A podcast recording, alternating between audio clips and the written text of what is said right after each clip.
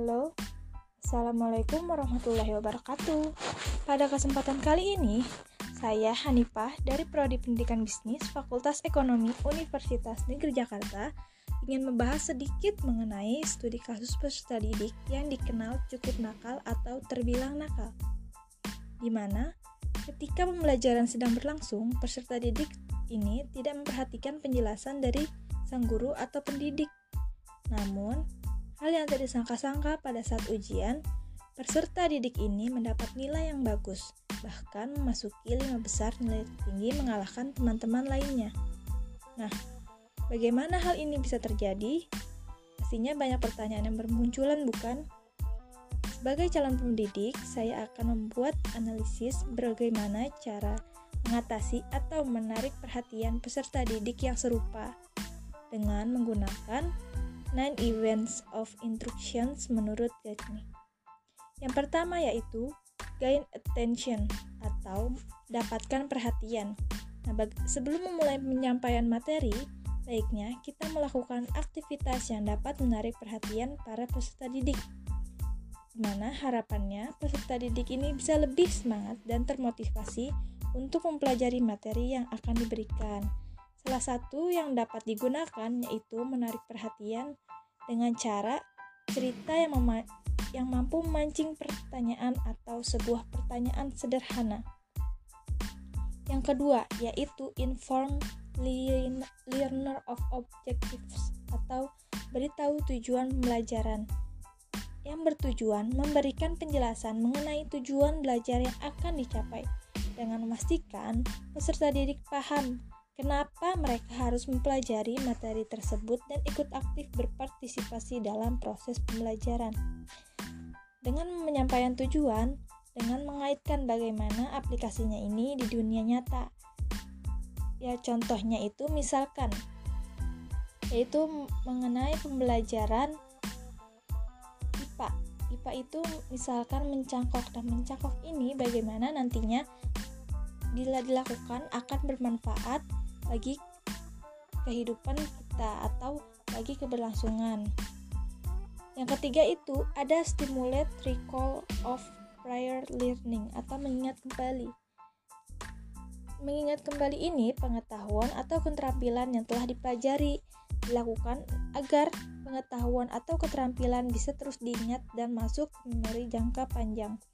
Panjang sehingga para peserta didik ini benar-benar bisa memahami materi-materi sebelumnya dan bisa melanjutkan materi baru yang akan dijelaskan oleh para pengajar.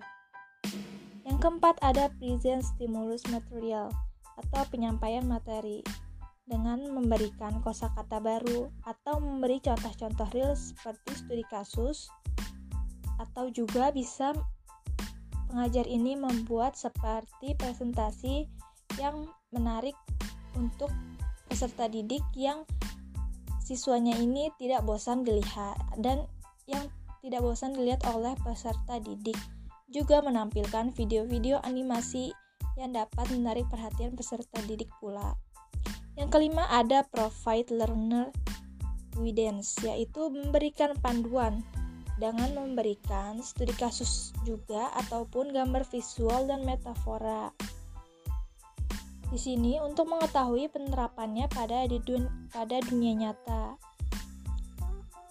Yang untuk sebagai pendukung peserta didik dalam keberlangsungan pembelajaran.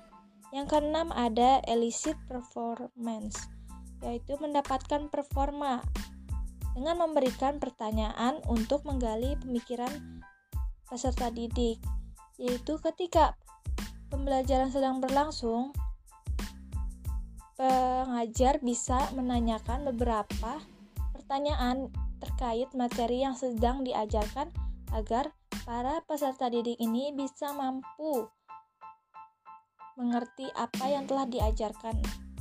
Yang ketujuh ada provide feedback atau memberikan umpan balik. Memberikan umpan balik ini sebaiknya dilakukan secara personal. Bila peserta didik ini memperhatikan pengajar dengan baik, maka bisa diberikan feedback yang yang sesuai.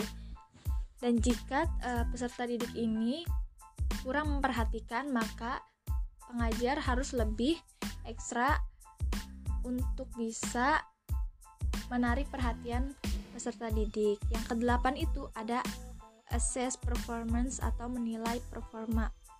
Yaitu menilai performa bisa dengan cara tes-tes lisan ataupun tes tulis dengan mengadakan ulang ujian harian, ada pula ujian tengah semester dan ujian akhir semester.